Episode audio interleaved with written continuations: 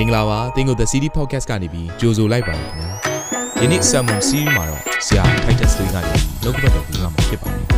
မိမိရဲ့အသက်တာကိုကောင်းကြီးဖြစ်စေမယ့်ဘုရားသခင်ရဲ့နှုတ်ကပတ်တော်နဲ့နီလန်းတွေကိုအတူတူကခံယူကြရအောင်ခင်ဗျာ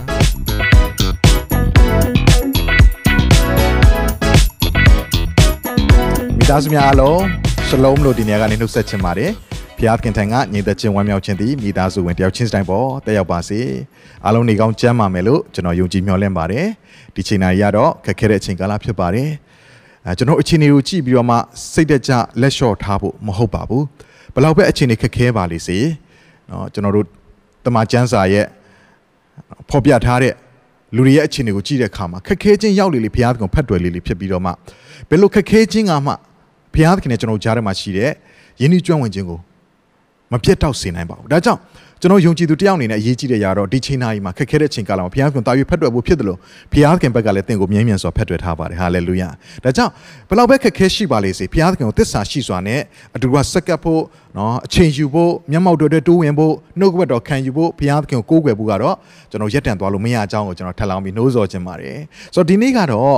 နော်ပင်ဒီကုတ်တီတင်ငွေနေနေ့ဖြစ်ပါတယ်ပင်ဒီကုတ်တီတင်ငွေနေနေ့ဆိုတာအားလုံးသိပါတယ်နော်ကျွန်တော်ယေရှုခရစ်တော်ရှင်ပြန်ထမြောက်ပြီးနောက်ပိုင်းမှာရပောင်း40တပည့်တော်တွေနဲ့တွေ့ပြီးတော့မှတန်လွင်တောင်ကနေတက်ကြွတဲ့အချိန်မှာယေရှုခရစ်တော်ကမတက်ကြွခင်မှာတပည့်တော်တွေကိုပြောပါတယ်တမန်တော်တစ်ရှစ်မှာတို့တို့မရှိတော့လေသင်တို့အပေါ်သို့တန်ရှင်သောဝိညာဉ်တော်တက်ရောက်သောအခါသင်တို့ကတကူကိုရမယ်တဲ့ယေရုရှလင်မြို့မှာစသောယူဒပြည်ရှမာရိပြည်မြေကြီးစွန့်နိုင်အောင်ငါရဲ့တတ်တည်ဖြစ်မယ်လို့ယေရှုဖခင်ကပြောပါတယ်ဆိုတော့ယေရှုခရစ်တော်ရဲ့ရှင်မြတ်ထမြောက်ခြင်းမှုရာပင်လေတပည့်တော်တွေအတွက်အင်မတန်ကြီးမားတဲ့တတ်တည်ဖြစ်နေပြီမြင်ခဲ့သမျှကြားခဲ့သမျှတွေ့ကြုံခဲ့ရအတွေ့အကြုံတွေကိုပြောမယ်ဆိုရင်ဟာတကယ်ပြောလို့ကောင်းတဲ့အခြေအနေပေါ့ဒါပေမဲ့ဘုရားသခင်ကလေတိထားတတ်ထားတဲ့ တွေ့ကြုံထားတဲ့အတွေ့အကြုံတွေကိုပြောတာထက်သက်သေနဲ့ဟောပြောတဲ့အရာတကူးနဲ့ဟောပြောတဲ့အရာကိုယေရှုဖခင်ကတာ၍လိုချင်တာဖြစ်ပါတယ်။ဒါကြောင့်ယေရှုခရစ်တော်ဖခင်ကနော်တကူးကိုပေးတဲ့တန်ရှင်းသောဝိညာဉ်တော်ဖခင်ကိုစောင့်ခိုင်းတယ်။ဒါပင်ဒီကုတ်ဒီပွဲနေရောက်တဲ့ခါမှာတန်ရှင်းသောဝိညာဉ်တော်ဖခင်ကစောင့်နေတဲ့ဆူတောင်းနေတဲ့120သောတပည့်တော်ပေါ်မှာဆင်းသက်လာတဲ့ခါမှာတပည့်တော်တွေကတကယ်ကိုမိရှာကဲ့သို့သောတောက်လောင်နေတဲ့မိတော်ကသူတို့ရဲ့ တယောက်ချင်းတိုင်မှာတက်ရောက်နေပြီးတော့မှသူတို့နှုတ်ကနေအခြားသောဘာစကားမျိုးမျိုးသောဘာစကားပြောတယ်ဆိုရအောင်တွေ့ရတယ်။ရဲရင်ချင်းတဲ့အဲ့ကနေစပြီးနှုတ်ကပတ်တော်ကိုဝင်ငါတယ်။ဟောပြောတဲ့အဲ့မှာတက်သေးတွေကထင်ရှားလာတယ်။ပျောက်ဆုံးဝိညာဉ်တွေနော်မြောက်များစွာရစ်သိမ်းရသောခွင့်နဲ့အသင်းတော်ပေါ်ပေါက်လာတဲ့အရာကိုတွေးမြင်ရတယ်။နော်လူတိုင်းစီမှာတကယ့်ကိုနမိတ်လက္ခဏာတကူတွေကိုမြင်တွေ့ရတယ်။ဖျားနာတဲ့သူတွေပျောက်ခင်းတယ်။ခြေလက်တည်တဲ့သူတွေပြန်လဲပြီးလမ်းရှောင်နိုင်တဲ့အခွင့်ရရှိတယ်။တပည့်တော်ရဲ့အရေးကိုထိမိတဲ့သူတွေကကျမ်းမာခြင်းရကုန်တယ်။ဘဘွားတွေနော်ခပန်းတွေကိုပြီးလိုက်တဲ့ခါမှာ အဲ့ပပွားတွေကပန်းတွေကနေတဆင့်ကျမ်းမာခြင်းတကူတော့တက်ရောက်ပြီးလူတွေမြောင်များစွာကျမ်းမာခြင်းရအစသဖြင့်တော့နမိတ်လက္ခဏာမျိုးစုံနဲ့တကူတက်တည်တွေနဲ့ဘုရားရဲ့နိုင်ငံတော်အရှိန်ဟုန်ကြီးမားစွာနဲ့တိုးပွားတဲ့တည်ထောင်တဲ့ဆိုတဲ့အရာကိုတွေးမြင်ရတယ်ဒီနေ့ကဘေဒီဂုတ်တွေပွဲနေဖြစ်တယ်ဒါကြောင့်ဒီနေ့မှာကျွန်တော်ဝိညာဉ်နဲ့ပတ်သက်တဲ့အရာလေးကိုအထူးသဖြင့်ကျွန်တော်ဝင်းငှသွားခြင်းနဲ့ဒါကြောင့်ဒီနေ့ခေါင်းစဉ်ကတော့အရင်မိုးနဲ့နောင်မိုးဆိုတဲ့ခေါင်းစဉ်လေးဖြစ်ပါတယ်ဆိုတော့ဒီအရာထဲမှာကျွန်တော်ဝင်းငှတဲ့ခါမှာအပိုင်း၃ပိုင်းခွဲပြီးတော့မှဝင်းငှခြင်းနဲ့ ပထမပိုင်းကတော့တမန်ကျမ်းစာကဖော်ပြထားတဲ့ဓမ္မဟောင်းကျမ်းဓမ္မသစ်ကျမ်းကိုချိတ်ဆက်ထားတဲ့အဓိကပေးခြင်းတဲ့ message အရင်မိုးနဲ့နောက်မိုးဆိုတာပါလဲကျွန်တော်ရဲ့ဝိညာဉ်သက်တာတွေဘလို့အရေးပါလဲဘာကိုဖော်ပြတာလဲဆိုရအောင်ကျွန်တော်လေ့လာမယ်ဒုတိယပိုင်းအနေနဲ့ဣသီလတိုင်းနိုင်ငံဣသရေလတိုင်းနိုင်ငံရဲ့အခြေအနေပေါ်ပြည်လည်ပေါင်းစည်းခြင်းနိုင်ငံတော်တည်ထောင်ခြင်းနဲ့ပတ်သက်ပြီးတော့မှယုံကြည်သူတွေရဲ့နော် church age လို့ပြောမှာပေါ့အသင်းတော်ရဲ့သမိုင်းအသင်းတော်ရဲ့တတန်အသင်းတော်ရဲ့ခရီးလမ်းကြောင်းမှာ ပေါ်ပေါက်လာခဲ့တဲ့နိုးထမှုတွေနဲ့ဆက်ဆိုင်တဲ့ဝိညာဉ်တော်ဖခင်ကအရင်မိုးနောက်မိုးနဲ့ဘယ်လိုအလုပ်လုပ်လဲဆိုတော့ကျွန်တော်တို့အတူကခံယူမှာဖြစ်တယ်နောက်ဆုံးတစ်ပိုင်းကတော့ dispensation လို့ခေါ်တဲ့ခေတ်ကာလအပိုင်းခြားနဲ့ပတ်သက်ပြီးတော့ဖခင်ကအရင်မိုးနောက်မိုးကိုဘယ်လိုသတ်မှတ်ထားလဲဆိုတဲ့အရာလေးကိုအတူကအပိုင်းသုံးပိုင်းခွဲပြီးတော့မှ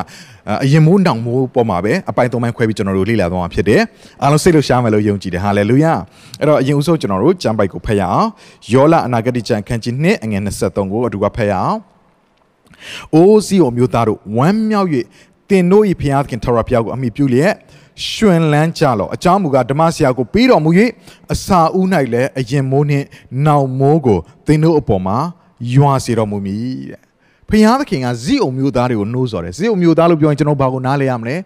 ယုံကြည်သူတို့ပြောခြင်းဖြစ်တယ်တင်နဲ့ကျွန်တော်ကဇီးုံမျိုးသားတွေဖြစ်တယ်ဇီးုံတောင်မှာတည်တဲ့သူတွေဖြစ်တယ်အသင်းတော်ဖြစ်တယ်ဟာလေလုယဘုရားခင်ရဲ့အုတ်မြစ်ပေါ်မှာတည်သောအသင်းတော်တွေဖြစ်တယ်ဆိုတော့ဇီးုံမျိုးသားလို့ပြောတိုင်းပြောတိုင်းကျမ်းစာဖော်ပြတိုင်းမှာတင်နဲ့ကျွန်တော်နဲ့ဆက်ဆိုင်နေဆိုတာကိုနားလည်ခံယူဖို့ရနေဖြစ်တယ်ဒီနေရာမှာဗာပြောနေပြီလေဘုရားကဝမ်းမြောက်ကြပါတဲ့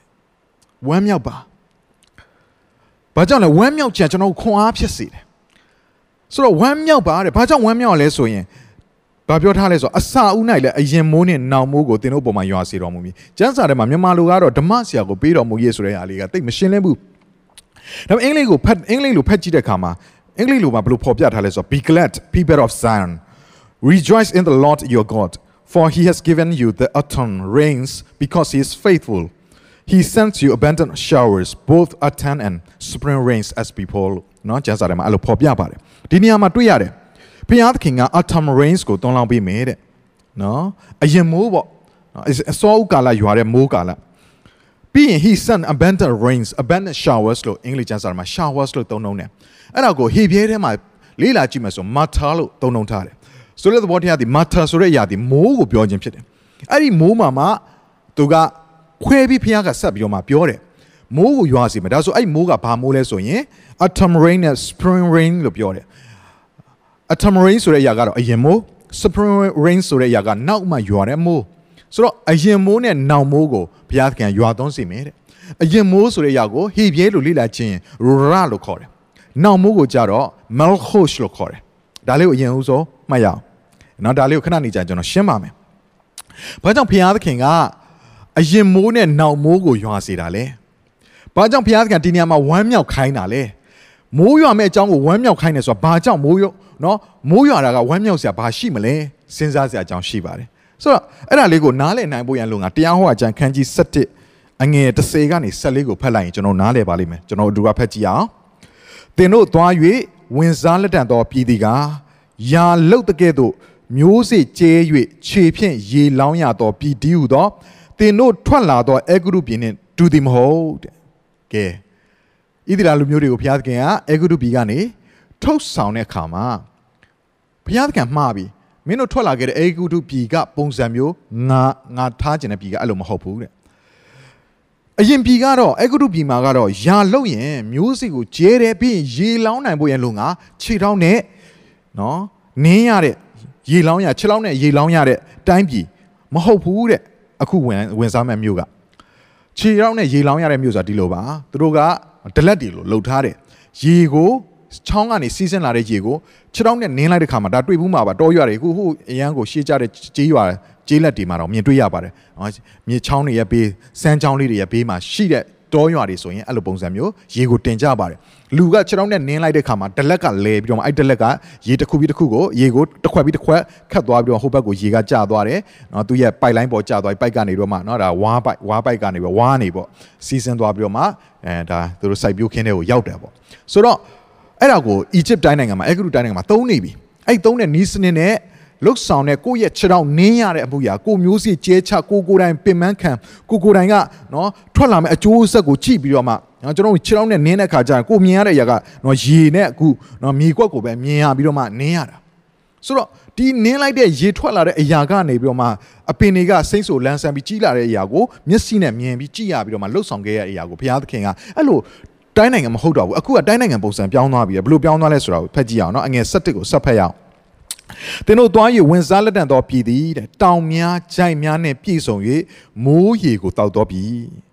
သင်တို့၏ဖျားသခင်ထာဝရဘုရားပြုစု၍တစ်နှစ်ပတ်လုံးကြည့်ရှုတော်မူသောပြည်ဖြစ်သင်တို့ဖျားခင်ထာဝရဘုရားကိုစိတ်နှလုံးအကျွမ်းမဲ့ချစ်၍အမှုတော်ကိုဆောင်ရွက်မိကြောင်းယနေ့ငါမှာထားသမျှသောပြည့်ညတ်တို့ကိုစိစိနားထောင်နေရင်သင်တို့သည်စပါးစပြည့်ရည် စီတို့ကိုစုသိမ်းခြင်းကအရင်မိုးနောက်မိုးတည်ဟူသောသင်တို့ပြည်နှင့်ဆိုင်သောမိုးရေကိုငါပေးမည်အခုပြည်ကတော့ကိုကိုယ်တိုင်စူးစမ်းပြီးတော့မှနင်းပြီးမှရလာတဲ့ရေနဲ့စိုက်ရမယ်စိုက်ခင်းနေမဟုတ်တော့ဘူးဒီပြည်ကားတဲ့ဘုရားသခင်တစ်နေ့ပတ်လုံးကြည့်ရှုပြီးတော့မှအချိန်မလက်ကြည့်ရှုနေတဲ့ပြည်ဖြစ်ပြီးတော့မှဒီပြည်မှာဘုရားကမိုးကိုရွာစေပြီးတော့မှစိုက်မဲ့သူတွေကမျိုးစိကျဲချမဲ့သူတွေက ကိုလှုပ်ဆောင်တဲ့အရာကိုပဲမျက်မှောက်ပြပြီးသွားရတော့တာမဟုတ်တော့ဘဲနဲ့ဘုရားကဒီခါပါလောက်ခိုင်းပြီလေအထက်ကိုမျောကြည့်ခိုင်းပြီဘယ်တော့မိုးရွာမှာလဲကိုတော့မိုးမရွာသေးဘူးလားဘုရားကကျွန်တော်တို့စိုက်တော့မယ်မိုးမရွာသေးဘူးလားဘာလို့စိတ်ချင်ပြီလဲဘုရားကအချိန်ပြည့်သူ့ကိုမျောကြည့်ခြင်းနဲ့သွားတော်ပြည်ကိုဝင်စားတယ်ချစ်တော်ညူမောင်မတို့တခါလေကျွန်တော်တို့ကကိုယ့်ရဲ့လှုပ်ဆောင်မှုနဲ့နော်ကိုယ့်ရဲ့တက်ဆွမ်းနိုင်မှုနဲ့စူးစမ်းမှုပေါ်မှာမျက်မှောက်ပြုပြီးသွားတဲ့အခါမှာ အဲ့ဒါတွေရက်တန့်သွားတဲ့တရက်ရောက်တဲ့ခါမှာကိုအလုတ်မလုံနိုင်တော့တဲ့အချိန်မှာကိုလုတ်တဲ့အလုတ်ကနေပြုတ်သွားတဲ့အချိန်မျိုးအခက်ခဲတွေရောက်လာပြီးဘာမှလှုပ်လှုပ်ကင်လို့မရတော့တဲ့အခြေအနေမျိုးရောက်ရင်စိတ်တကြတတ်တယ်စိတ်ပြတ်တတ်တယ်ဒါပေမဲ့ဘုရားသခင်တင့်ကိုခေါ်သွင်းခြင်းတဲ့တိုင်းနိုင်ငံကကိုစ조사ပြီးမှကိုရဲ့လှုပ်အားနဲ့အပင်ပန်းခံပြီးတော့မှအိုးဒါကိုပဲအာယုံစိုက်ပြီးတော့မှနော်နေရတဲ့ဘဝအသက်တာကနေဘုရားသခင်ကိုပဲအစဉ်မြဲမျှော်ကြည့်တယ်ဘုရားသခင်ကိုလုံးလုံးလဲလဲကိုးစားအားကိုးရတဲ့ တိုင်းပြည်ထဲမှာတင်ကိုအသက်ရှင်ရှင်စေချင်တာဖြစ်တယ်။ချက်တော်ညီကောင်မောင်တို့အလင်းတော်ရဲ့နိုင်ငံတော်သားဖြစ်တဲ့ကိုခေါ်တာဖြစ်တယ်။အဲ့အလင်းတော်ရဲ့နိုင်ငံတော်ကဘာဖြစ်လဲ။ဘုရားသခင်မျှော်ကြည့်ရတော့နိုင်ငံဖြစ်တယ်ဆိုတာကိုအရင်ဦးဆုံးနားလည်ပွင့်တော့အရေးကြီးတယ်။အဲ့တော့ဣသီလလူမျိုးတွေကအရင်တော့ကတော့အေဂရုပြည်မှာသူတို့စူးစမ်းပန်းစားနေလုပ်ခဲ့ပြီးဒါပေမဲ့ဒီနေရာရောက်တဲ့အခါမှာဒီတိုင်းပြည်ဝင်စားတဲ့အခါမှာသူတို့လုပ်ရတဲ့အရာပါလေဘုရားသခင်တစ်ချိန်လုံးစောင့်နေတယ်အဲ့တော့ဘုရားခင်ကဘာနဲ့ဆက်သွယ်ထားလဲဆိုတော့ကျွန်တော်တို့ဒီလောကမှာเนาะဒီမြေကြီးပေါ်မှာနေထိုင်တဲ့သူတွေရဲ့ဣသီလလူမျိုးတွေရဲ့အသက်ရှင်မှုနဲ့ ဘုရားသခင်ကကောင်းကင်နဲ့ချိတ်ဆက်ထားတယ်အသက်ရှင်မှုမှန်ကန်ပြီးတော့မှဘုရားရဲ့စကားကိုနားထောင်နေဆိုရင်ဘုရားသခင်ကိုတောင်းလျှောက်တယ်ဆိုရင်ဘုရားသခင်ကကောင်းကင်ကမိုးကိုဆစ်လို့ပြီးအဲ့မိုးအပြင်မြေကြီးကိုဆွတ်ဆွတ်စေတယ်အပင်စိုက်လို့ရတယ်ဒါကိုဘုရားကနားလဲစေချင်တာအနှစ်ချုပ်ပြောရရင်တော့ဘုရားသခင်အမြဲတမ်းအားကိုးတဲ့အသက်တာအမြဲတမ်းမျှော်ကြည့်တဲ့အသက်တာကိုဘုရားသခင်ကလိုချင်တာဖြစ်တယ်ဒါကြောင့်ညီကိုမောင်မတို့ဒီချိန်ကနာကြီးကဘုရားသခင်ကိုနော်မျှော်ကြည့်ရမယ်အကောင်းဆုံးချိန်ဖြစ်တယ်ကျွန်တော်တို့စူးစမ်းပြီးလှုပ်ဆောင်လို့မရနိုင်တော့တဲ့အချိန်ကာလရောက်တယ် ဆိုတော့စူးစမ်းပြီးမရနိုင်တော့တဲ့အချိန်ကာလကြာမှာဘုရားကိုမျှော်ကြည့်တာတဲ့ဘလို့အချိန်တွေမျိုးမှာပဲဖြစ်ဖြစ်အနေအမြင့်နော်တက်သွားတဲ့အချိန်ရှိသလိုကျသွားတဲ့အချိန်ဘလို့အချိန်တွေမျိုးမှာပဲဖြစ်ဖြစ်ဘုရားသခင်ကိုမျှော်ကြည့်တော့အသက်တာနဲ့အသက်ရှင်အောင်ဘုရားနာမတော်ဘုန်းကြီးပါစေဟာလေလုယာအဲ့တော့ဒီနေရာမှာအရင်မိုးနဲ့နောင်မိုးရနဲ့မဲလ်ခိုရှ်ဆိုတဲ့စကလုံးနှလုံးရှိတယ်အရင်မိုးနဲ့နောင်မိုးကဘာလဲဆိုတာသိအောင်လို့ကျွန်တော်နည်းနည်းလေးရှင်းပြခြင်းတယ်ဣသရေလတိုင်းနိုင်ငံမှာသူတို့မှာမိုးနှမျိုးရွာတယ် အရင်ဦးဆုံးရွာတဲ့မိုးနဲ့နောက်မှရွာတဲ့မိုးဆိုတာရှိတယ်အရင်ဦးဆုံးရွာတဲ့မိုးကတော့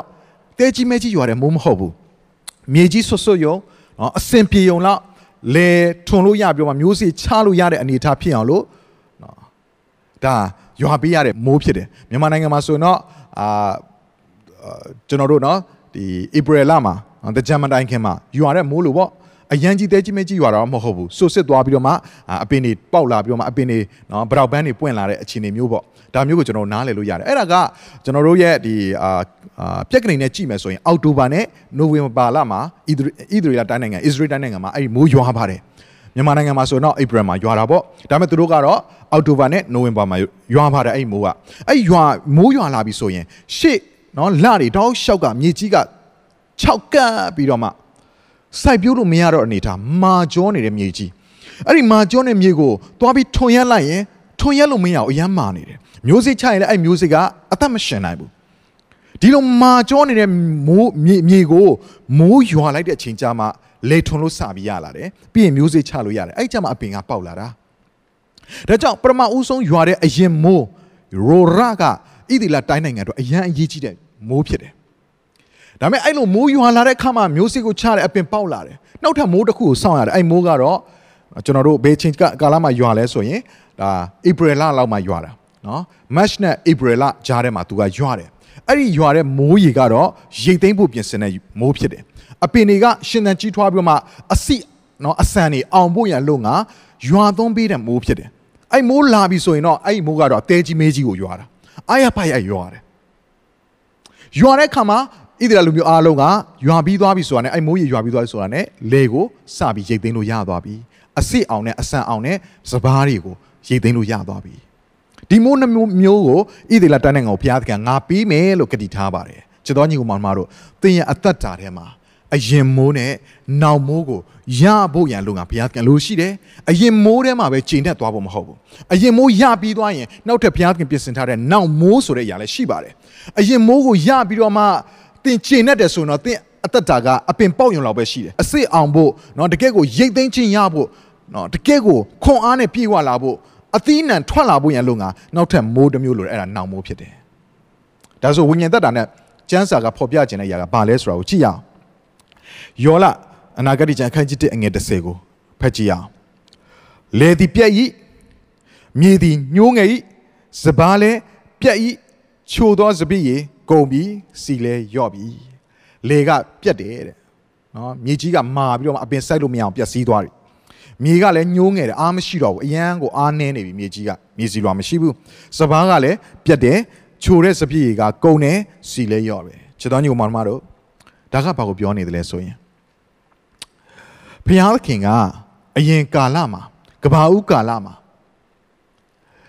မိုးဆိုတဲ့အရာကျမ်းစာထဲမှာမတွေ့ရဘူး ဘုရားသခင်မပြင်ဆင်ထားဘူးမိုးမလိုပဲနဲ့မြေကြီးကဆွတ်ဆွတ်ပြီးသူ့ဘာသူနော်အပင်တွေကရေတက်ကိုရဖို့ရန်လို့ကဘုရားသခင်ကဒီလောကရဲ့ကြီးကိုဖန်ဆင်းထားတယ်ကဘာမြေကြီးကိုဖန်ဆင်းထားတယ်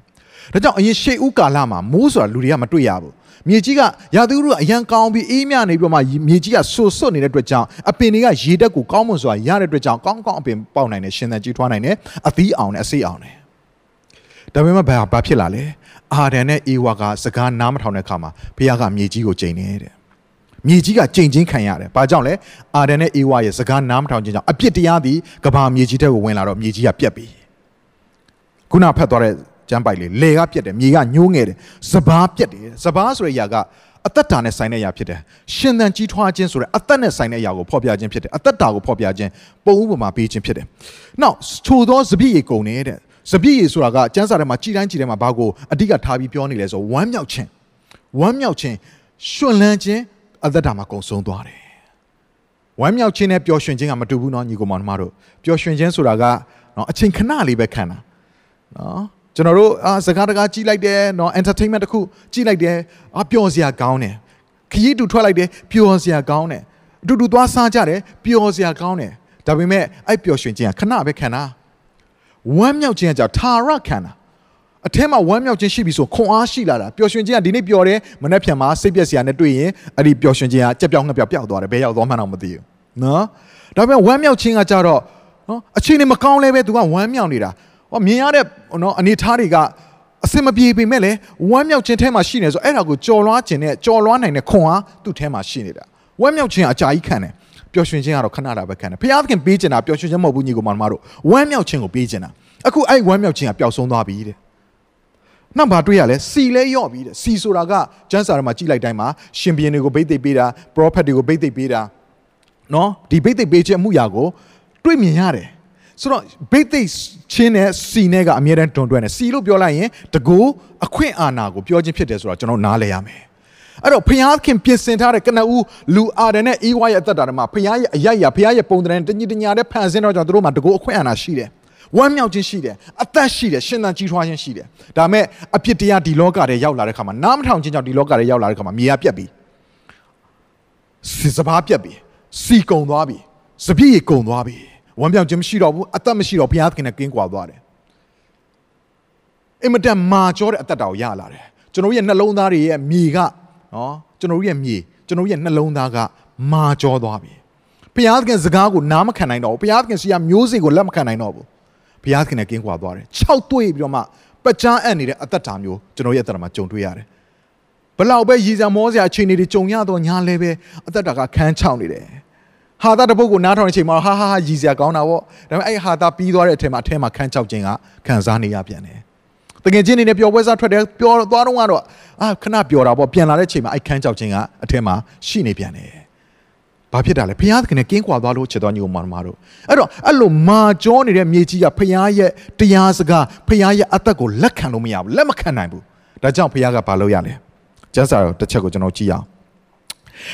တရားဟောအကျမ်းခန်းကြီး7အငယ်14မှာသင်တို့သည်စဘာစပြည့်ရည်စီတို့ကိုစုသိမ်းခြင်းက ဘုရားသခင်ကပြန်ပြီးစဘာအသက်ရှင်ခြင်းနော်စပြည့်ရည်ဝမ်းမြောက်ခြင်းစီတကူအခွင့်အာဏာဘိသိက်ကိုဘုရားသခင်ပြန်ပြီးအရိုက်ရငကိုအရိုက်ကိုဘုရားသခင်ပြန်ပေးခြင်းနဲ့အဲ့လိုစုသုံးနိုင်ဖို့ရန်လုံငါတဲ့အရင်မိုးနောင်မိုးဒီဟုသော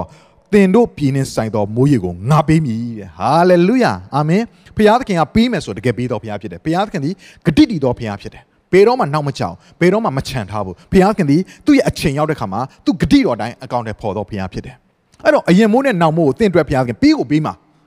ဒါပေမဲ့အရေးကြီးလာပြီဒီနေရာမှာစဘာဆိုတဲ့အသက်ရှင်ခြင်းစပြည့်ဆိုတဲ့ဝမ်းမြောက်ခြင်းစီဆိုတဲ့ဘိသိက်အတကိုအခွင့်အာဏာနဲ့အမှုဆောင်ခြင်းအမှုရာတွေအားလုံးဒီ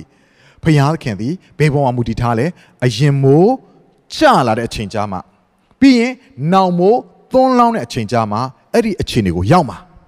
ဒါဆိုတင်းရဲ့တရမှာစဘာစပြည့်ရေနော်ပြီးရင်စီ ရဖို့ရလို့ကတင်းဒီဘာကိုလက်ခံဖို့လို့လဲအရင်မိုးကိုလက်ခံကြိုဆိုဖို့လို့တယ်နောက်မိုးကိုလည်းခြံမထားဘဲနဲ့လက်ခံကြိုဆိုလိုက်ဖို့လို့တယ်တမန်ကျမ်းစာမှာကြည့်တဲ့အခါမှာဘုရားသခင်ကနော်အော်ဘုကောင်းတယ်အရင်မိုးရဲ့သဘောတဘာဝ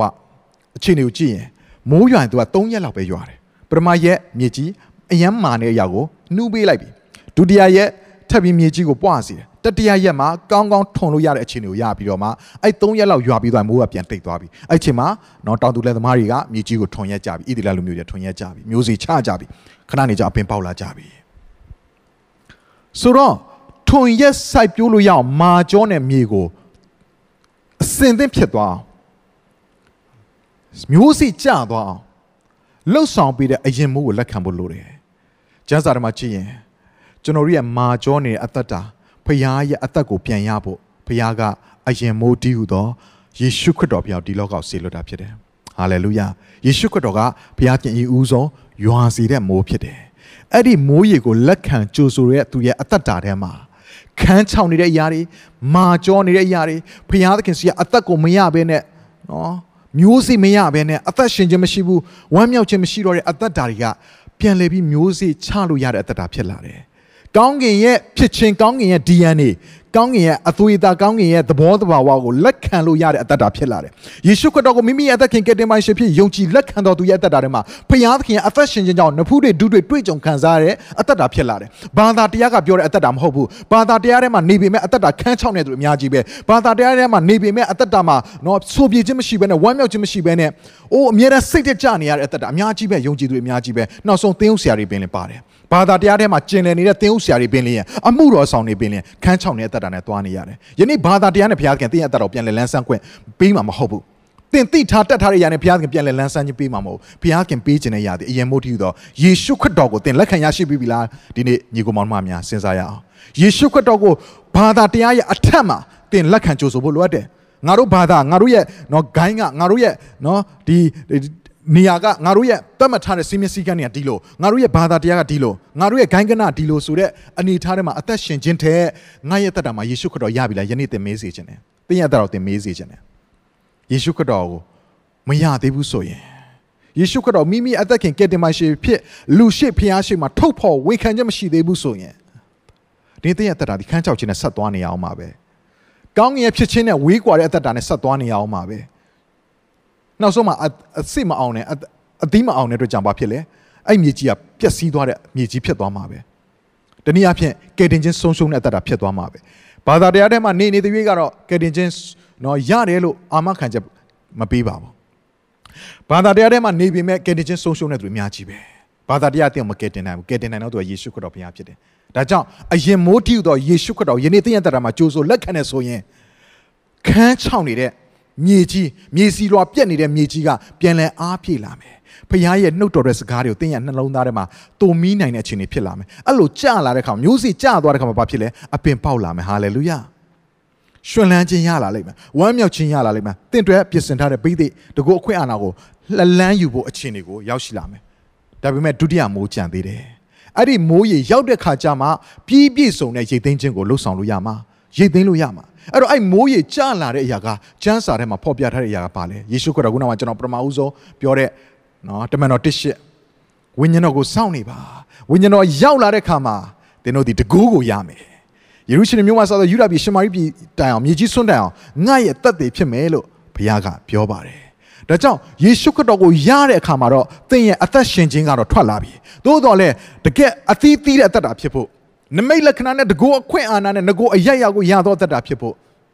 ဝမ်းမြောက်ခြင်းနဲ့အစဉ်မြဲအစေခံနိုင်သောရှောင်လန်းနိုင်သောအသက်တာဖြစ်ဖို့ရန်လုံကသင်ရဲ့အနာမှာအမြဲတမ်းအတူရှိတော်မူသောသင်နဲ့အတူထက်ချက်မကွာသင်ကိုတွင်တင်လန်းပြပြီးတော့မှအုပ်ဆိုးပေးတဲ့ကြည့်ရှုပေးတဲ့ပြုစုပေးတဲ့ဥပစ္စေဆရာတည်းဟူသောတန်ရှင်းသောဝိညာဉ်တော်သင်ရဲ့တက်တာမှာလက်ခံဖို့လိုရတယ်။တနည်းအားဖြင့်နောင်မိုးသွန်းလောင်းခြင်းကိုသင်ရဲ့တက်တာမှာကြိုဆိုဖို့လိုပါတယ်ညီကောင်မတို့။ဟာဝိညာဉ်တော်ဖျားဆိုတော့ဘာမှမသိဘူး။ရှုပ်ရှက်ခတ်နေရပဲ။ ဟာကြောက်စရာကြီးလားအာဒါကမှားယွင်းတဲ့ဩဝါဒလားဒီလိုထွေပြားဝေဝါးနေမယ်ဆိုရင်တော့တင့်တတာဒီအရင်မိုးနဲ့ပဲကျင့်နေပြီးတော့မှတကယ်တမ်းရိတ်သိမ်းခြင်းကိုသွားတဲ့အခါမှာအဆံမအောင်တဲ့အပင်တွေဖြစ်လိမ့်မယ်အသီးမအောင်တဲ့အပင်တွေဖြစ်လိမ့်မယ်အရွက်ဖားဖားကြီးတော့ဖြစ်နေတယ်ဒါပေမဲ့အထဲမှာအဆံမရှိဘူးအစီမရှိဘူးအသီးမရှိဘူး ချစ်တော်ညုံမောင်မတို့တင်တိတာတက်တာတဲ့အသက်ရလာတဲ့ခါမှာအဲ့အသက်နဲ့ပြည့်စုံခြင်းမှုရတယ်အပြင်မှာထင်ရှားပြီးတခြားသူတွေကစားသုံးလို့ရတဲ့အသီးသီးသောတက်တာဖြစ်ဖို့ရန်လို့ကတန်ရှင်သောဝိညာဉ်တော်မဖြစ်မနေလိုအပ်ပါတယ်ညီကောင်မောင်တို့ယေရှုခရစ်တော်ဖခင်ရဲ့သားတော်ပင်လင်တန်ရှင်သောဝိညာဉ်တော်ကိုနော်အုပ်ဆိုးခြင်းကိုခံယူပြီးရက်ပေါင်း40အစာရှောင်ခြင်းနောက်မှာတကူနမိတ်လက္ခဏာနဲ့အစေခံသောအခွင့်ကိုရရှိတဲ့ကဲ့သို့လက်ခံတဲ့ကဲ့သို့ဖခင်ရဲ့သားတော်တောင်လက်ခံကြိုးဆိုတယ်ဆိုရင်သင်နဲ့ကျွန်တော်ကဘလို့လူတွေမဟုတ်လို့လဲတာရွေ့တောင်လိုအပ်တာမဟုတ်ဘူးလား ဒါကြောင့်ဝိညာဉ်တော်ဖခင်ကိုကျွန်တော်ရဲ့အသက်တာမှာကြိုဆိုရအောင်အဲ့ဒါကနောင်မိုးဖြစ်တယ်ဖခင်ကသွန်းလောင်းခြင်းတော်မိုးဖြစ်တယ်အဲ့ဒီမိုးရောက်လာရင်ဘာဖြစ်လဲကြီးမားသောရိတ်သိမ်းခြင်းမှုရပေါ်ပေါက်လာပြီဟာလေလုယာဟာလေလုယာဘုရားသခင်တင့်ကိုအရင်မိုးနဲ့ပဲကျင့်နေစေခြင်းနဲ့ဘုရားမဟုတ်ဘူး။နောင်မိုးကိုလည်းလက်ခံကြိုဆိုပွင့်ရလို့ငါတင်းရဲ့တက်တာကိုပြင်ဆင်ပွင့်ရအတွက်အရန်ရည်ကြည့်တယ်။ဟောရှေအနာဂတ်တိကျမ်းခန်းကြီး6အငယ်1မှာနှစ်ကနေ3မှာနှစ်ရက်လွန်ပြီးမှ သင်တို့ကိုအသက်ရှင်စေ၍သုံးရက်မြောက်သောနေ့၌ထမြောက်စေတော်မူသဖြင့်အထံတော်၌ငါတို့သည်အသက်ရှင်ရကြလိမ့်မည်ပညာကိုလည်းရကြလိမ့်မည်ထရဘုရားကိုသိခြင်းကလိုက်ရှာကြလိမ့်မည်ထရဘုရားကိုသိခြင်းကလိုက်ရှာကြလိမ့်မည်ထွက်တော်မူခြင်းသည်နနက်ကဲ့သို့ဖြစ်တော်မူလိမ့်မည်ရွာသောမိုးနှင့်မြေပေါ်မှာရွာသောနောက်မိုးကဲ့သို့တက်ရောက်တော်မူလိမ့်မည်အဲ့တော့သုံးရက်မြောက်တဲ့နေ့မှာအသက်ရှင်ခြင်းဖြစ်လိမ့်မယ်ထမြောက်လိမ့်မယ် တနည်းအားဖြင့်အပင်ပေါက်လာတဲ့အသက်တာပေါ့ယေရှုခရစ်တော်ရသွားပြီးတော့အသက်တာကနော်ဖြောင့်မဲ့ခြင်းတရားလမ်းထဲမှာစပြီးခြေလန်းလှမ်းပွင့်ရလို့ကအစင်သင်းဖြစ်တဲ့ပြင်ဆင်တဲ့အသက်တာပေါ့ဒါပေမဲ့အဲ့ဒီနေရာမှာဘာလို့လဲထတော်ဘုရားကိုတည်ခြင်းကလိုက်ရှာအောင်မယ်တဲ့ ဉာဏ်ပညာကိုလည်းရမယ်တဲ့အဲ့တော့ထတော်ဘုရားကိုတည်ခြင်းကလိုက်ရှာတဲ့ခါမှာထွက်သောအပူချိန်ကနေနနက်ကဲ့သို့ဖြစ်တယ်အင်မတန်အေးမြတဲ့နော်ဒီပထမဦးဆုံးမနက်ခင်းမှာနိုးထလာတဲ့နေရောင်ကြီးလို့နော်နှွေးထွေးတဲ့အသက်တာကိုရရှိပြီးတော့မှအဲ့မှာအစီတွေအောင်မယ်အတန်ဒီအထက်မှာရှိနေတဲ့စပားစီမျိုးစီတွေကအောင်ဖို့ရလို့အသီးသီးသောတက်တာပြဖို့ရလို့ငါရွာတော့မိုးနဲ့မြေပေါ်မှာရွာတော့နောက်မိုးကဲ့သို့ငါတွန်းလာအောင်မယ်တဲ့ဒါဆိုရင်နောက်မိုးကိုရတဲ့ ရဖို့ရလို့ငါကျွန်တော်ရဲ့အတ္တမှာအရင်ရေးကြည့်တယ်အရင်မိုးနဲ့ကျင်းနေဖို့မဟုတ်ဘူးနောက်မိုးကိုရဖို့ရလို့ငါဘုရားခင်ပြင်ဆင်ထားတယ်ဆိုတာကိုကျွန်တော်နားလည်ဖို့ဖြစ်ဒါကိုလည်းပဲရှင်ပေတိယကနော်ပင်တေကုတ်တွေပွဲနေမှာတမန်တော်နှစ်မှာဝိညာဉ်တော်ကိုရတဲ့ချိန်မှာလူတွေကအားလုံးအောက်မှာဟာဘာဖြစ်ကြတာလဲအရက်မူးနေကြတာလဲမနေ့စောစောစောစီမူးနေကြတယ်လို့ဝိုင်းဝန်းပြစ်တင်ဝေဖန်နေတဲ့အထဲမှာမတည့်ရက်ပြီးတော့သူပြောတဲ့ခါမှာနော်ယောလာအနာဂရိကျန်ခန်းကြီးနှစ်အငယ်29ကိုသူပြန်ကုတ်လုပ်တယ်ပြန်ပြီးတော့မှသူဆွဲယူပြီးပြောတယ် အဲ့မှာဗာရေးထားလဲယောလာနာဂတ်ကျန်အခန်းကြီး2အငယ်28 29မှာထို့နောက်မှာလူမျိုးတကာတို့အပေါ်သို့ငါရဲ့ဝိညာဉ်ကိုငါသွန်းလောင်းမည်သင်တို့၏သားသမီးတို့သည်ပရောဖက်ညံနှင့်ဟောပြောရကြလိမ့်မည်အသက်ကြီးသောသူတို့သည်နမိတ်အိမ်မက်တို့ကိုမြင်မှတ်ရကြလိမ့်မည်အသက်ငယ်သောသူတို့သည်လည်းဗျာဒိတ်ယူပါယုံတို့ကိုမြင်ရကြလိမ့်မည်ငါ၏အမှုကိုဆောင်ရွက်သောယောက်ျားမိန်းမတို့အပေါ်မိန်းမတို့တို့ငါ၏ဝိညာဉ်တော်ကိုငါသွန်းလောင်း၍သူတို့သည်ပရောဖက်ညံနှင့်ဟောပြောရကြလိမ့်မည် ငါရဲ့အမှုကိုဆောင်ရွက်တဲ့ယောက်ျားမိန်းမတို့အပေါ်မှာငါရဲ့ဝိညာဉ်ကိုငါသွန်းလောင်းမယ်တဲ့ဟာလေလုယာချစ်တော်ညီကိုမောင်မတို့ဒီနေ့တန်ရှင်သောဝိညာဉ်တော်ဘုရားသင်ရတတ်တာတွေဘုရားခင်ပေးနေတယ်မြေကြီးပေါ်မှာကောင်းတဲ့ຢာအများကြီးရှိတယ်ဘုရားသခင်တောင်းကြလို့တောင်းလင်းရမည်ရှာကြလို့ရှာလင်တွေ့မည်တကောက်ခောက်ကြလို့ခောက်လင်ဖွင့်မည်တဲ့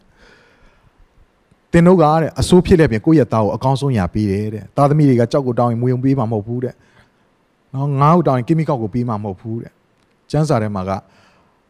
သင်တို့ဒီအကောင်းဆုံးသောအရာကိုအစိုးဖြစ်လက်ပြင်အကောင်းဆုံးသောအရာကိုကိုယ့်ရဲ့သားသမီးပေးတယ်ဆိုရင်ကောင်းကင်ဘုံ၌ရှိတော်မူသောထာဝရဘုရားကသင်တို့ကိုတာ၍ကောင်းသောအရာပေးခြင်းနဲ့တဲ့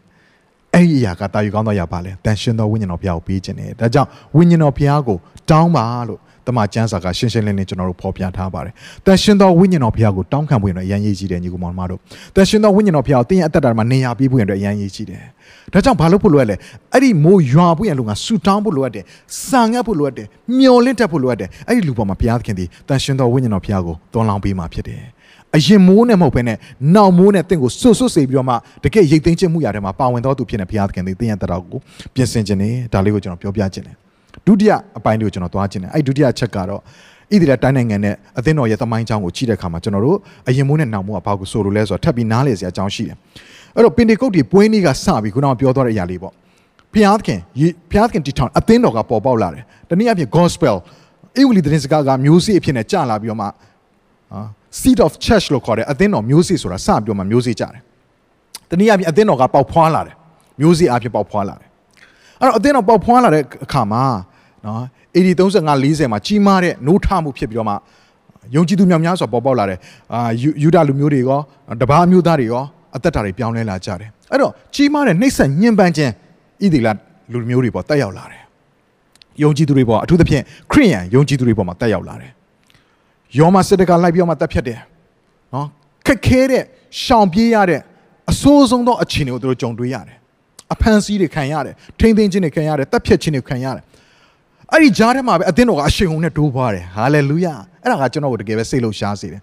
တခါလေကျွန်တော်တို့ကလေအသင်းတော်ရဲ့နိုးထမှုတိုးပွားမှုဆိုတဲ့အရာကအားလုံးအစဉ်ပြေချောမွေးပြီးတော့မှနော်ငြိမ်ငြိမ်စိတ်စိတ်နဲ့အေးဆေးဆေးဖြစ်တဲ့အချိန်ကာလမှာရမယ်လို့ထင်တာတကယ်တော့ချမ်းစာထဲမှာကြည့်ကြည့်ပါနိုင်ငံတွေရဲ့တမိုင်းကြောင်းကိုလည်းကြည့်ကြည့်ပါနိုးထမှုဖြစ်လာတဲ့အချိန်တိုင်းကဘယ်အချိန်မှလဲဆိုရင် persecution ခံရတဲ့အချိန်ခက်ခဲခြင်းနှိပ်စက်ခြင်းဖိနှိပ်ခြင်းနော်တပ်ဖြတ်ခြင်း နှိပ်စက်ခြင်းကိုခံရတဲ့အချိန်မှာအရှိန်ဟုန်နဲ့တိုးပွားခြင်းကဖြစ်တာနော်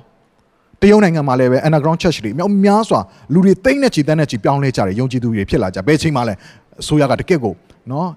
တရုတ်နိုင်ငံအစိုးရကပြင်းပြင်းထန်ထန်ဖိနှိပ်တဲ့အချိန်မှာတိုးပွားခြင်းတွေဖြစ်လာတယ်။ကျွန်တော်ညုံမောင်မတို့ဣသီလလူမျိုးတွေလည်းပဲနော်ခရိယန်တွေဒီလည်းပဲနှိပ်စက်ညှဉ်းပန်းခြင်းခံရတဲ့ထေကနေအရှုံနဲ့တိုးပွားတယ်။အရှုံနဲ့တိုးပွားတယ်။ဒါကြောင့်ချစ်တော်ညုံမောင်မတို့ခက်ခဲခြင်းတွေ ပြဿနာတွေကြုံရလို့စိတ်တက်မကြသွားနဲ့အဲ့ထဲမှာတိုးပွားခြင်းတွေရှိတယ်။ခက်ခဲခြင်းတွေထဲမှာတိုးပွားခြင်းရှိတယ်။အဲ့ဒါကိုယုံကြည်ပါ။အသင်းတော်ဒီလည်းပဲယုံကြည်သူတွေဒီလည်းပဲခက်ခဲခြင်းဆိုးရုပ်တဲ့အချိန်ကာလထဲမှာတိုးပွားဖို့ရလို့ငါသင်ရဲ့နှလုံးသားကိုဖွင့်ပါပြည့်စင်ပါဘုရားသခင်ဒီတိုးပွားခြင်းကိုပေးခြင်းနဲ့ဘုရားဖြစ်တယ်အဲ့တော့ဒီနေရာမှာနော် AD 40ရောက်တဲ့ခါမှာတကယ့်ကိုနော်ဖိနှိပ်ဖိနှိပ်ညှင်းဆဲခြင်းတွေကြောင့်ဣသီလမျိုးတွေအထူးသဖြင့်ခရိယန်တွေ ထွက်ပြေးရတယ်ရှောင်ပြေးရတယ်အဲ့တော့ဘုရားသခင်တရားစကားဒီကဘာနိုင်ငံအရက်ရက်ကိုရောက်သွားတယ် AD 90ရောက်လာတဲ့ခါမှာယောမစစ်တပ်ကနေပြီးတော့မှ General Titus ဥဆောင်တဲ့ဒီယောမစစ်တပ်ကဗိမာန်တော်ကိုဖြိုချတယ်အလှော်တလှော်ပြီးတလှော်မကြံအောင်လို့ကိုအကုန်လုံးဖေရှားပြီးတော့မှတိမ့်ပိုက်သွားတယ်။ AD 130ရောက်လာတဲ့ခါမှာဣသီလလူမျိုးထဲကပဲဂျူးလူမျိုးတယောက်ကဥဆောင်ပြီးတော့မှတော်လန်ရေးလုပ်တယ်။ ဒါပေမဲ့ယောမစစ်ကပဲအနိုင်ရပြီးတော့ဒီခါတော့နော်ဣသီလတိုင်းနိုင်ငံရဲ့ဒီအစ္စရေးတိုင်းနိုင်ငံရဲ့တိုင်းနိုင်ငံရဲ့မြို့ရိုးတွေအကုန်လုံးဖြိုချဖျက်ဆီးခံရပြီးတော့မှဣသီလလူမျိုးတွေအကုန်လုံးကထွက်ပြေးရတယ်။အဲ့တော့ကမ္ဘာနိုင်ငံအရရက်စီကိုအစ္စရေးတိုင်းနိုင်ငံမှာရှိတဲ့ဣသရေလလူမျိုးတွေကရောက်ကုန်ပြီးတော့မှအစ္စရေးတိုင်းနိုင်ငံမြေကြီးပေါ်ကနေကမ္ဘာမြေပုံပေါ်ကနေကွယ်ပြောက်သွားတယ်။ဒါပေမဲ့ ဘုရားသခင်ကပါလက်စတိုင်းတိုင်းနိုင်ငံကိုလမ်းဖွင့်စေပြီးတော့1940ပိုင်းဝန်းကျင်ရောက်လာတဲ့အခါမှာဣသီလတွေလူမျိုးတွေကအစ္စရေးလူမျိုးတွေကသူ့ရဲ့တိုင်းနိုင်ငံငကိုရှိတဲ့နေရာကိုပြန်လည်ရောက်ရှိလာကြပြီအဲ့ကနေပြီးတော့မှတပြေးစုစည်းလာလိုက်တာ1948ရောက်တဲ့အခါမှာဣသီလလူမျိုးတွေအကုန်လုံးကနော်တနေရာထဲမှာရောက်လာပြီးတော့မှစုစည်းလာနိုင်ပြီးတော့မှဣသီလတိုင်းနိုင်ငံဆိုပြီးအစ္စရေးတိုင်းနိုင်ငံထူထောင်ကြောင်းကိုကြီးညာလိုက်တယ်ကဘာကိုအဲ့လိုကြီးညာပြီးပြီးချင်းမှာပဲဘေးနားမှာရှိသောနော်အိန္ဒိယချင်းနိုင်ငံတွေအကုန်လုံးက သူတို့ကဒီဣသရေလနိုင်ငံပြိုပြတ်ဖို့ရန်လုံကအစ္စရေးတိုင်းနိုင်ငံဒီမြေပုံပေါ်ကနေပြန်ပျောက်သွားဖို့ရန်လုံကစစ်ရေးကျင်ညာတယ်။အီဂျစ်နော်ပြီးရင်ဒါဂျော်ဒန်အာပြီးရင်ပါလက်စတိုင်းဆီးရီးယားတိုင်းနိုင်ငံတွေကပေါင်းပြီးတော့မှဣသရေလနိုင်ငံကိုတိုက်ခိုက်ဖို့ရန်ပြင်ဆင်တယ်။အဲ့မှာ1969မှာအားလုံးသိတဲ့နာမည်ကြီးစစ်ပွဲဖြစ်တဲ့6ရက်တာစစ်ပွဲကိုဆင်နွှဲရတယ်။အဲ့ဒီစစ်ပွဲမှာဘုရားသခင်ရဲ့ကုညီမဆာခြင်းဉာဏ်ပညာပေးခြင်းအံ့ဩဖွယ်နမိတ်လက္ခဏာတကူတွေအားဖြင့် ဘလို့မှမနိုင်နိုင်တဲ့စစ်ပွဲကို6ရက်တာပြီးတဲ့ခါမှာအီသရီအီသရီလာတိုင်းနိုင်ငံကအစ္စရေးတိုင်းနိုင်ငံအောင်ပြန်ပြီးတော့သူတို့ကိုဘယ်သူကမှရံမပြူတော့ဘဲနဲ့အခုချိန်ထိတိုင်အောင်အရှိန်ဟုန်နဲ့တိုးပွားတဲ့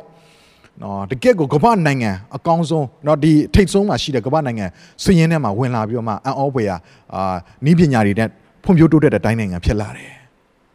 အဲ့တော့ဒီတိုင်းနိုင်ငံတွေကိုစုစည်းတဲ့အရာမှာဘုရားသခင်ဒီ timeline ကိုချထားတယ်ဆိုတော့တွေ့ရတယ်ကျွန်တော်တို့စံစာတစ်ချက်ကိုဖတ်ကြည့်အောင်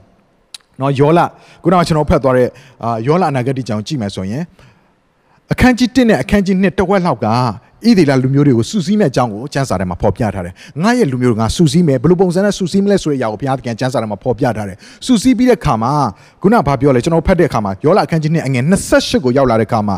နောက်ထို့နောက်မှ အဲ့လိုစူးစီးပြီးတဲ့နောက်မှာတဲ့လူမျိုးတကာတို့ပေါ်မှာငါရဲ့ဝိညာဉ်ကသွန်လောင်းမယ်ဒါဆိုရင်ဣသီလလူမျိုးတွေကိုစူးစီးခြင်းနဲ့လူမျိုးတကာတွေပေါ်မှာဝိညာဉ်တော်သွန်လောင်းခြင်းဆိုရရဆက်ဆက်ထားတယ်ဆိုတော့တွေ့ရတယ်ဒီအသင်းတော်ရဲ့တမိုင်းကြောင့်ကိုကြည့်တဲ့အခါမှာနော်18 18ရာစု19ရာစုမှာဒါအာဒီ Protestant ဆိုတဲ့အရာပေါ်လာတယ်18ရာစုရောက်တဲ့အခါမှာဒါ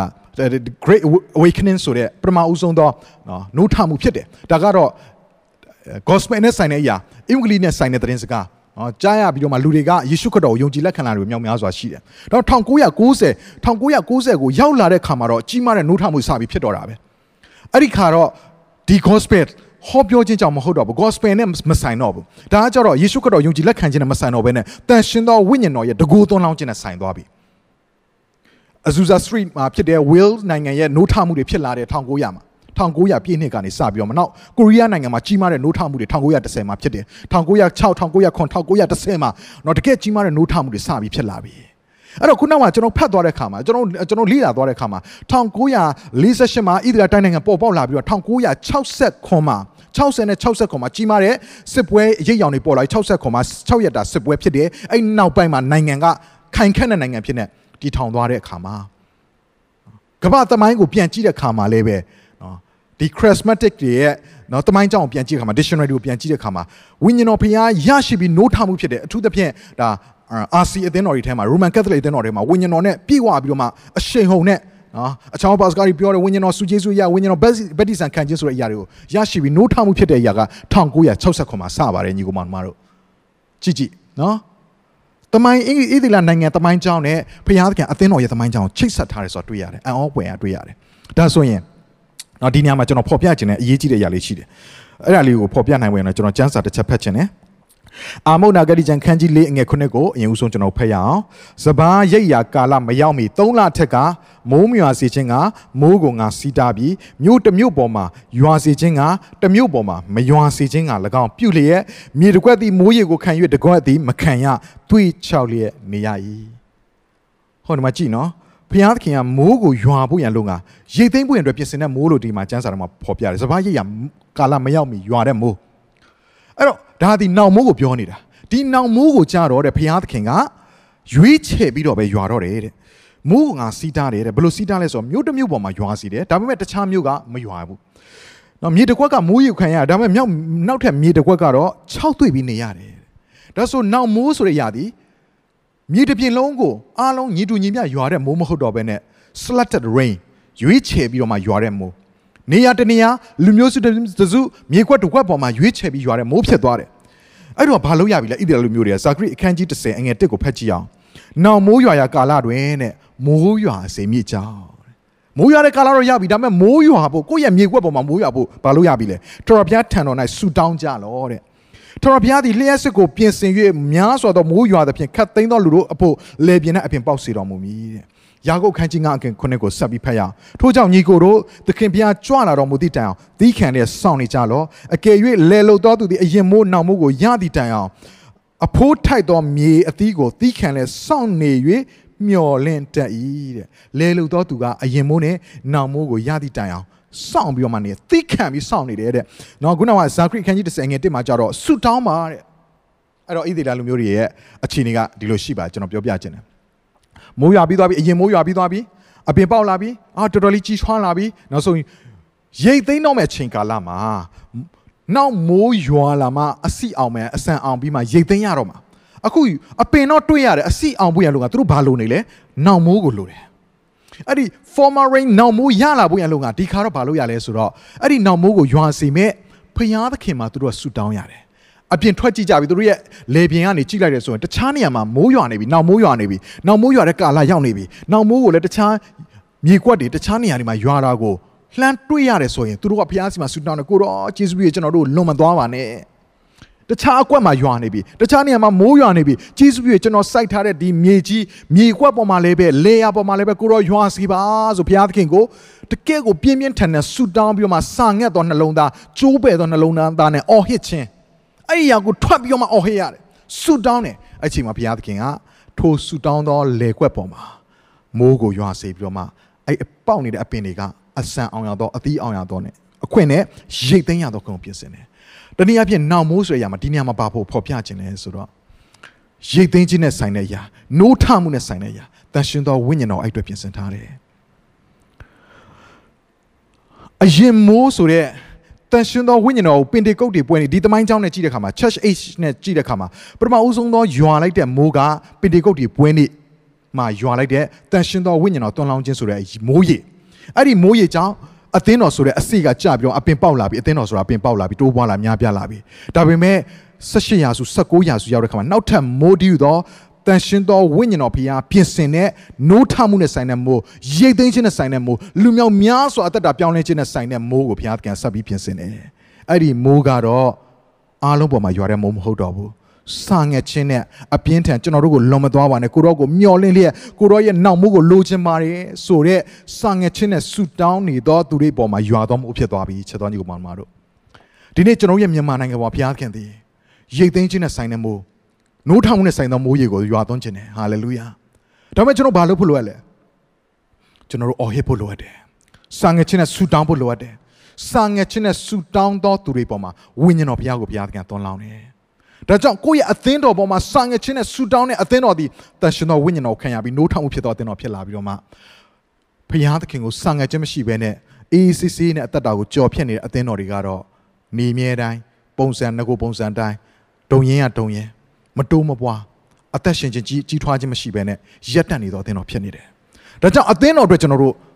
နှလုံးသားကြိုးပဲ့ဆိုတာနဲ့ဆူတောင်းဖို့လိုအပ်တယ် ကျွန်တော်တို့ရဲ့မိသားစုတခြားသောမိသားစုနိုးထနေပြီတခြားသောမိသားစုရဲ့အသက်တာမှာနမိတ်လက္ခဏာမြင်တွေ့ရပြီကျွန်တော်ရဲ့မိသားစုတွေမှာနမိတ်လက္ခဏာနိုးထမှုမမြင်တွေ့ရသေးဘူးဆိုတော့ကျွန်တော်ဘာလို့ဖို့လိုလဲကိုတော့ကျွန်တော်တို့ရဲ့မိသားစုမြေကွက်ပေါ်မှာကိုတော့ရဲ့ဝိညာဉ်တော်မိုးကိုတွန်းလောင်းပေးပါနောက်မိုးကိုတွန်းလောင်းပေးပါကျွန်တော်ဆူတောင်းဖို့လိုအပ်တယ်ကျွန်တော်တို့ရဲ့တိုင်းနိုင်ငံတွေဆူတောင်းဖို့လိုအပ်တယ်တခြားတိုင်းနိုင်ငံတွေမှာနိုးထမှုဖြစ်နေပြီကိုတော့ကျွန်တော်တို့ရဲ့တိုင်းနိုင်ငံမှာလည်းနိုးထမှုဖြစ်စေပါနောက်မိုးကိုရွာသွန်းပေးပါ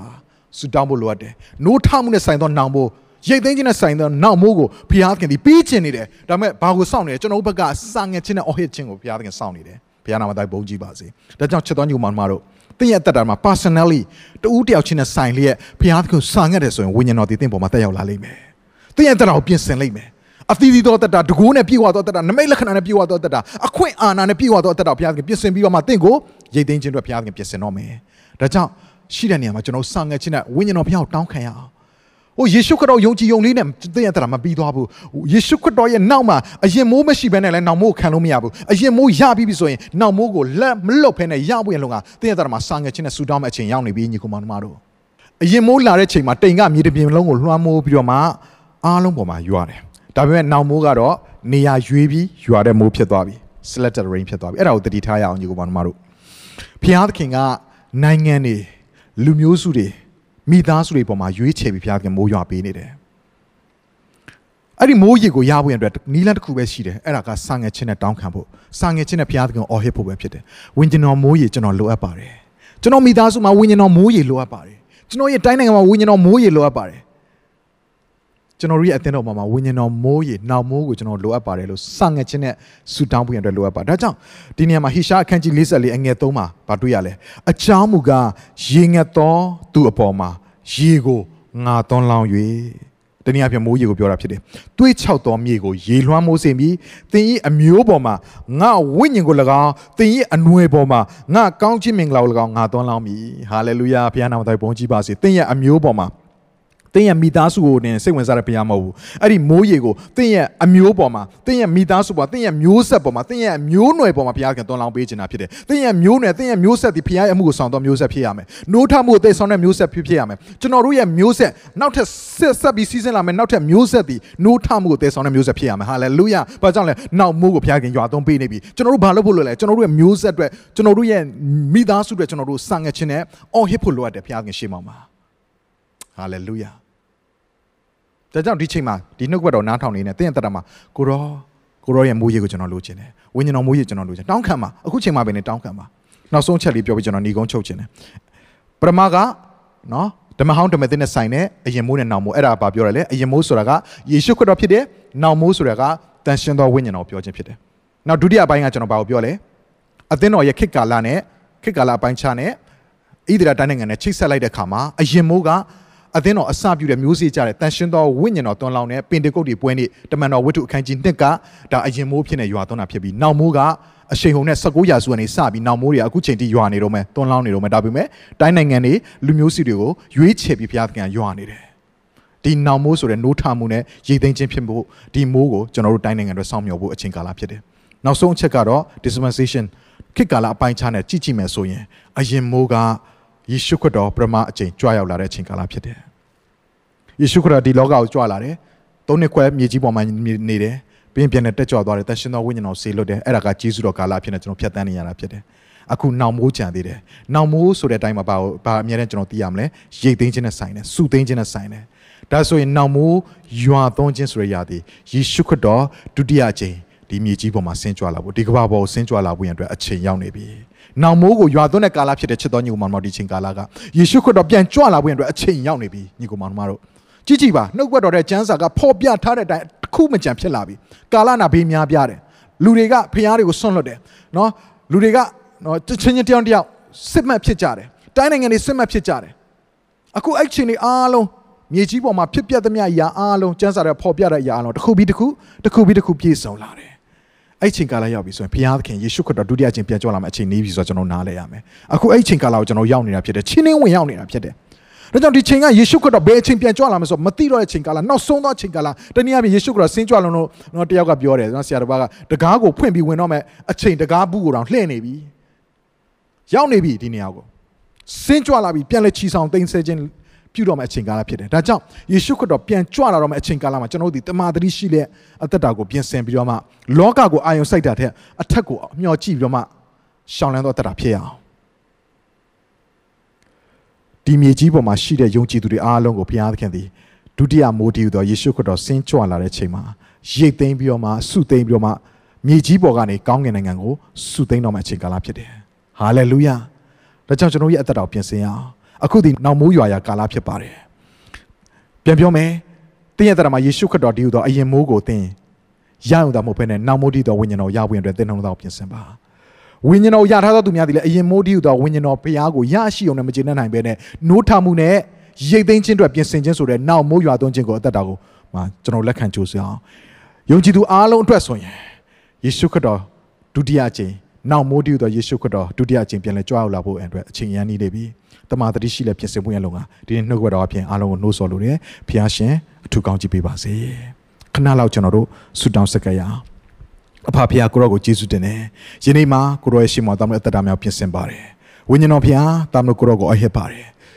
ယခုချိန်ဒီနောင်မိုးရွာရကာလဖြစ်ပါတယ်သို့တော်လည်းထိုနောင်မိုးသည်ရွေးချယ်ပြီးမှယူရတဲ့ selected rain ဖြစ်ကြောင်းတမလို့နှုတ်ခွက်တော်ကဖော်ပြတော့ကြောင်းကျေးဇူးတော်ကိုချီးမွမ်းပါတယ်ယနေ့မှာတမလို့အသက်တာမှာဆာငတ်ခြင်းမရှိဘဲနဲ့မိမိရှိတဲ့အခြေအနေနဲ့သွာလာနေတဲ့အရာ လှုပ်ရှားနေတဲ့အရာတွေအတွက်တမလို့ဒီနေ့ကိုရရှိမှာနောင်တနဲ့ပြန်လဲတိုးဝင်ပါတယ်ဖဖျားယနေ့တမလို့အသက်တာမှာအရင်မိုးထီသောယေရှုခရစ်တော်ကိုမိမိအသက်ခင်ကယ်တင်ပါရှင်ပြယုံကြည်လက်ခံယူတာမဟုတ်ဘဲနဲ့နောင်မိုးထီသောကိုရောကိုဝိညာဉ်တော်ဖျားကိုစံငတ်တတ်သောသဘောနဲ့ အိုးကိုယ့်ရဲ့မိသားစုတော်တော်ကိုယ့်ရဲ့အသက်တာ personal life တော်တော်၎င်းသားမျိုးရဲ့တိုင်းနိုင်ငံသားမျိုးအသင်းတော်တော်တော်၎င်းစာငတ်ခြင်းနဲ့ဆူတောင်းလေမျော်လင့်လေကိုရောကိုအော်ဟစ်တတ်တော်သူများဖြစ်စေခြင်းအပြင်နောက်မိုးဒီသားမျိုးအသက်တာမှာစီစဉ်နေသားမျိုးမိသားစုမှာသွန်းလောင်းလျက်သားမျိုးရဲ့အိုးအသင်းတော်မှာသွန်းလောင်းလျက်သားမျိုးတိုင်းနိုင်ငံမှာသွန်းလောင်းလျက်အိုးကြီးမားတဲ့ရိတ်သိမ်းခြင်းဖြစ်လာဖို့ရန်လို့ကအချိန်ကာလကိုတော့ပြင်ဆင်ကြောင်းကိုနားလေလေထို့အတွက်ဝင်တာထားလေဆူတောင်းတတ်တော်သူများဖြစ်စေဖို့ရန်သားမျိုးနှိုးဆော်ပါမိကြောင်းကျေးဇူးတော်ကိုချီးမွမ်းပါတယ်ယနေ့ကြာသောနှုတ်ကပတော်တဲ့ကျေးဇူးတင်တဲ့ယနေ့သွန်းလောင်းတော်မျက်မှောက်တော်တဲ့ကျေးဇူးတော်ကိုချီးမွမ်းပါတယ်ကိုရောရဲ့နောက်မိုးဒီတော်ပြန်လည်ပြီးချီဆောင်သိမ်းဆဲရအချိန်ကာလနီးနေပြီဖြစ်ကြောင်းကိုတမန်တော်ရှိလျက်မိမိရဲ့အသက်တော်ပြင်ဆင်ခြင်းအပြင်ဒီနေ့ကိုရောထံမှာယုံကြည်ခြင်းနဲ့တိဆောက်တတ်တော်သူများဖြစ်စေဖို့ရန်လုံငါကိုရောပြင်ဆင်ပါမိကြောင်းဝိညာဉ်တော်ဖျက်တော်မူဥဆောင်လမ်းပြပါမိကြောင်းလက်တော်တဲ့အနံပါတယ်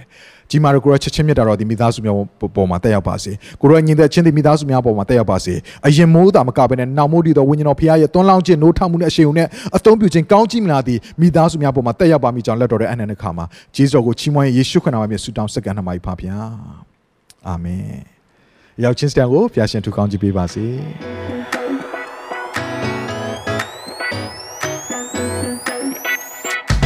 ဒီအစီအစဉ်လေးအပြင်တင်းရဲ့အသက်တာမှာကောင်းကြီးဖြစ်မယ်ဆိုတာကိုကျွန်တော်ယုံကြည်ပါတယ်ဗီဒီယိုကြည့်ပြီးခံယူလို့ဒီများအတွက်အပတ်စဉ်တရားဟောခြင်းများ Bible Study ကြီးမွန်ကိုယ်ွယ်ခြင်းနဲ့အခြားသောအကြောင်းအရာတွေဟာတင်းအတွက်အဆင်ပြေရှိနေပါတယ် YouTube မှာ The City Space TV လို့ရိုက်ထည့်လိုက်တဲ့အခါကျွန်တော်တို့ကိုတွေ့ရှိမှာဖြစ်ပါတယ် Subscribe လုပ်ခြင်းအပြင်တင်းနဲ့ထက်ချက်မကွာအမြင်ရှိနေပါဦးဒါအပြင် Facebook မှာလည်း The City ရန်ကုန်လို့ရိုက်ထည့်လိုက်တဲ့အခါတည်င်းအချက်အလက်နဲ့ poster တွေကိုအချိန်နဲ့တပြေးညီတွေ့ရှိအောင်မှာဖြစ်ပါတယ်ခင်ဗျာ The City Podcast ကိုနားထောင်ကြတိုင်းဖျားသခင်ရဲ့ထူကြသောဖွင့်ပြချက်နဲ့ကောင်းကြီးမင်္ဂလာများခံစားမိကြောင်းကျွန်တော်ဆုတောင်းရင်ဒီ season လေးကိုဒီမှာပဲ ပြန်လာပါရစေခင်ဗျာ